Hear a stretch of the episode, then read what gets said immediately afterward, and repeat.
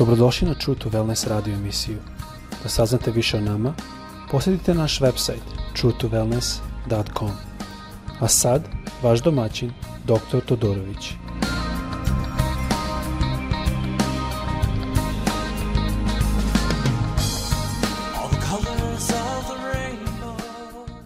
Ljubazni, dobrodošli na naš podcast. Ja se izvinjam, moj srpski kao i uvek je teži i znam da je malo neki put možda teže, teže da možete pratiti ono što ja govorim. Ali nadam se da ipak ćete razumeti. A ovaj sada deo 3 gde govorimo o Davidu. U prvom delu smo govorili o kakvoj kući on odrastao i možda to je jedna tema što može kasnije bolje da se izradi, ali on je odrastao u kući da on je bio preziran, da je on bio spuštan, gde otac ga nije pozvao kad je došao Samuilo i hteo da vidi njegove sinove za narednog kralja Izraela. On nije smatrao da je, da je on dostojan, da kažemo tako. Tako da je David porastao u jednoj kući u kojoj atmosfera nije baš bila najzdravija. Mi smo isto spomenuli kako obično situacijama koje su slične psihologiji nas uči da ljudi koji porastu takvim kućama obično imaju problema da postignu stvari zato što mnogo puta su potišteni. Mi vidimo iz mnogih a, pisanja iz a, Samuilove, iz a, Kraljeva, knjige Kraljevima, vidimo da piše da je David ustao E, čuvao ovce i kad bi došao medved, kad bi došao vuk, kad bi došao lav, on bi ih odbranio. To nije konsistentno sa nekim koji je odrastao u kući koja je, u kojoj je bio preziran. Mada to vidimo da se to desilo, a to je vrlo jasno, pogotovo kad čitamo u prvoj Samuilovoj 16. glava 10. stih, da vidimo da kad je došao sam, kao što smo pričali, um, došao kod Jese. Um, Jese nije čak ni pozvao Davida kao jedno od svojih sinova, iako je on imao osam sinova, on je pozvao samo svojih sedam, jer nije očekivao da će David biti takav e, ili izabran za kralja. Ali Boga je izabrao i vidimo da je David bio čovek vere, to vidimo po primjeru kad je došao Vuk i Medved i Lav, da je on ustao i odbranio ovce, a što uzima veru, to isto vidimo kad je Golijat došao i napao, to je sa izigravao, da kažemo, narod jevrejski, David je taj koji je ustao i onda vidimo u tome hrabrost, ali isto vidimo poniznost. I u drugom delu smo pričali kako je Mihajla e, e, Či od e, Saula prezirala Davida kad je on igrao ispred kao čega gospodnjeg, a on je njoj kad je ona njemu prišla s tim, odgovorio i pokazao da je on ne samo razumio što radi, nego da je da on razumao da Boga je pozvao da bude kralj i da ga je Bog pozvao da bude ponizan i on je isto svačao da, jako ona rekla da će njegove sluškinje da ga preziru, on je u stvari svačao da što je više on ponizan, to će više on biti podignut od strane gospoda. Tako da vidimo tu da je on a, svak, svakogledno volao gospoda. Ne samo to, nego da se uzdao u gospoda. Danas bi želo malo da usporedimo srce Davida i srce Jonatana. David je naime imao sedm, sedmora braća kao što smo prišli, ali on nije bli, bio blizak ni sa jednim od njih. Ne vidimo nigdje u Bibliji da on nikad plakao sa jednom od tih braća, ali kad je on upoznao Janatana koji je sin od, od Saola, to je bivšeg kralja.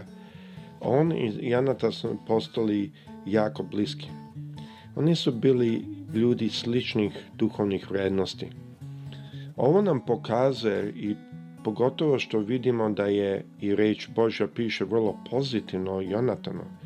Tu vidimo da nije tu pitanju da je Bog volao specifično samo Davida, nego je Bog volao srce Davida, to jest to je jedno srce koje je vrlo slično srcu Janatana i vidimo da je Janatan jako slično se ponašao i Boga je blagoslovio. Ako otvorimo naše Biblije i pročitamo u prvoj Samuilovoj 14. glava, vidjet ćemo da piše prvo stiha ovako kaže Jedan dan reče Janatan, sin Saulov, momku svom kojemu nošaše oružje. Hajde da idemo ka straži Filistejskog, koja je na onoj strani. Tu je bila sada jedna a, du, du, duboka dolina između Izraela i naroda da je Izrael bio, to jest mesto da je izraelski vojnici su stali samo nekih par hiljada i na drugoj strani te doline je bio filisevski narod i otprilike se očekuje da je bilo oko 120.000 vojnika tu. Sada nastavlja sa drugom, drugim stihom da kaže A Saul stajaše kraj brda pod šipkom koji beše u Migronu i narod beše s njim oko 600 ljudi. I Ahija sin Ahitova brata i Havoda sina Finesa sina Ilija svešnika gospodnjegu silom unošaše opljačak. I narod ne znaše da je otišao Jonatan. A u klancu kojim htede Jonatan otići ka straži Filistejskoj, behu dve strme strane, jedna s jedne strane, a druga sa druge. Jedna se zvaše Voses i druga Sene. Sada ja kad sam bio u Izraelu, ja sam video ovakve doline. To su vrlo, vrlo um, teške da se siđe, da se podine. To vam treba manje više kanap da se silazite ili da se podižete. Samo da imate sliku kakva je um, situacija tu bila. Petisti kaže jedna od njih stajaše sa severa prema Mihmasu, a druga s juga prema Gavaji. I Jonatan reče momku koji mu nošaš oružje – Hajde da otim, otedemo kroz traži tih neobrazanih. Može biti da će nam učiniti što je gospod, jer gospodinu ne smeta izbaviti s množinom ili sa malninom. Ljubaznija, za nadam ne vi svačete koliko su ovo duboke reči, koliko je ovo znak vere.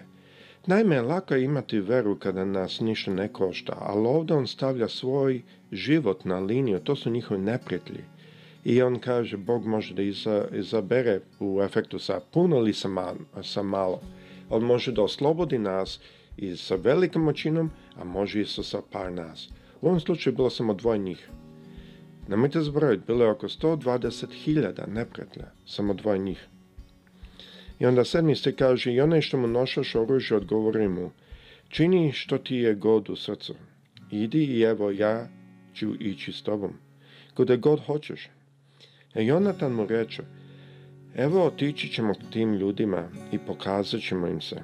Ako nam kažu, čekajte dole, doći ćemo k vama, tada ćemo se ustaviti na svom mestu i nećemo ići k njima. Ako li kažu, hodite k nama, tada ćemo otići jer nam ih je gospod predade u ruke. To će nam biti znak. Znači ovde je se on oslanio na gospoda on se osnovno će gospod dati njemu znak, ovo bi moglo biti nešto tek slučajno da oni kažu ovako onako. Mnogi bi danas rekli, pa na, da, to, kako znaš da to Bog radi, to možda samo slučajno sve. Ali on je znao koju, koju u kontroli. On se uzdao, on je znao ko upravlja sa njegovim životom i onda u tom slučaju nema ništa slučajno. I onda kaže, pokaže se oba dvojica straži e, Filistejskog, a Filisteji rekoše, gle, izlazle jevreji iz rupa u kojem su se sakrili. I stražari rekoše Jonatanu i Monku, koji mu nošaš oružje, hodite k nama da vam kažemo nešto. I Jonatan reče onom što mu nošaš oružje, hajde za mnom, jer ih predade gospod ruke izrilju. Tako puzaše Jonatan rukama i nogama, a za njim momak što mu nošaše oružje. I padahu pred Jonatanom i ubijaše ih za njim one što mu nošaše oružje. I to bi e, prvi boj u kome pobi Jonatan i momak što mu nošaše oružje, oko 20 ljudi, otprilike na po, po rana zemlje. I uđe strah u logor, u polje i u sad narod, i straža i oni koji behu izašli da plene prepadoše se i zemlja se uzkoleba jer beše strah od Boga. Ljubazni, vidite što se desilo je zato što je Jonatan imao poverenje i uzdao, imao veru u gospoda. On je otišao gori, on je ubio svega možda dvadesetak ljudi. Ostatak, 120.000, su počeli jedan drugog da ubijaju. I to vidimo više opisano drugim stihovima. I e, počeo je zemljotres, ili liči opis da je to bio zemljotres, i neka konfuzija došla i naglo se jedan protiv drugog, jer to su bile razne nacije koje su se skupili zajedno sa Filistejima. I oni su jedan drugi pobijali i tako da Izrael je pobedio. Gospod je koristio Jonatana da započne to. I tu vidimo više stvari koje su slične između Jonatana i Davida. Oni su oba dvoje verovali da Bog može nemoguće stvari uraditi. To vidimo u ovoj situaciji, vidimo Davida sa Golijatom, vidimo mnogim drugim situacijama. Ali vidimo isto da su oba dvoje bili saosećani. Vidimo u mnogim situacijama da je, kako se David ponašao ili Jonatan, oni su bili saosećani ljudi, ljudi koji su mogli da osete tuđe bolove, koji su mogli da osete tuđe srce. Možemo videti da su oni bili ljudi koji su držali do svojih principa van svoje koristi. Jonatan je trebao da bude naredni kralj, ali on je shvatio i verovao da Bog postavio Davida da bude naredni kralj i on je to podržavao, jako to znači da on, kao sin Salova neće biti naredni kralj. Oni su obodve imali isti duh u tome da su obodve se uzdali u gospoda, jer to je jedini način da bi Jonatan teo da literalno se od, od, odrekne svog a, e, kraljevstva, da bi dao Davidu, pošto je shvatio da je Bog Davida stavio tu. A, e, vidimo isto da je David bio kompašan, kad je on naišao na Saula u pećini i, i druge situacije isto. On ga nije ubio, mogao je ubiti, nego je samo sasekao deo njegove odeće, da pokaže da je on mogao. Vidimo da su oba dve hvalili Boga i da su oba dve volili pesme pisati pesme go, a, pevati. Vidimo to po ponašanju Jonatana i po ponašanju Davida da su oba dve slavili Boga i umeli slaviti Boga. Isto vidimo da su oba dve bili verni. I David i Jonatan su bili verni jedan drugom. I verni onome što oni veruju. Bili su verni da je ako drže Božju volju, Ako drže ono što im je Bog dao, da će ih Bog isto držati, sačuvati. To vidimo u situacijama kod Davida, to isto vidimo kod Jonatana. Zato je David, kad je Jonatan bio ubijen, plako za Jonatan. On ima sedmor da, braća, on nije plako ni za jednom od tih sedmora. Ali kad je Jonatan umro, on je plako za njim.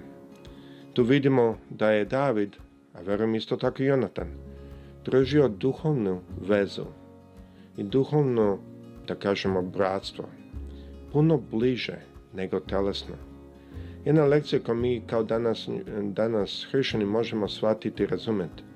Duhovna veza je važnija i bitnija nego telesna. Mi svi imamo telesnu braću i sestre. Mnogi od nas, ja lično nemam brata, on je već sa gospodom. Ali mnogo puta naša duhovna braća duhovne sestre su puno bliže nama, zato što delimo zajedničkog duhovnog oca. Mislim da je jako bitno da shvatimo da ovo sve dolazi kroz to što su oba dvoje bili predani gospodu, pratili su gospoda, bili su verni gospodu, a najviše volili su gospoda svim srcem svojim. Mislim da to je jako bitno mi shvatimo danas da mi moramo ljubiti i voliti gospoda svim srcem svojim. To je lekcija od Davida. To je lekcija zašto je Bog rekao za Davida da je on čovjek sa njegovim srcem. Kad su sasvim na vama prijednati.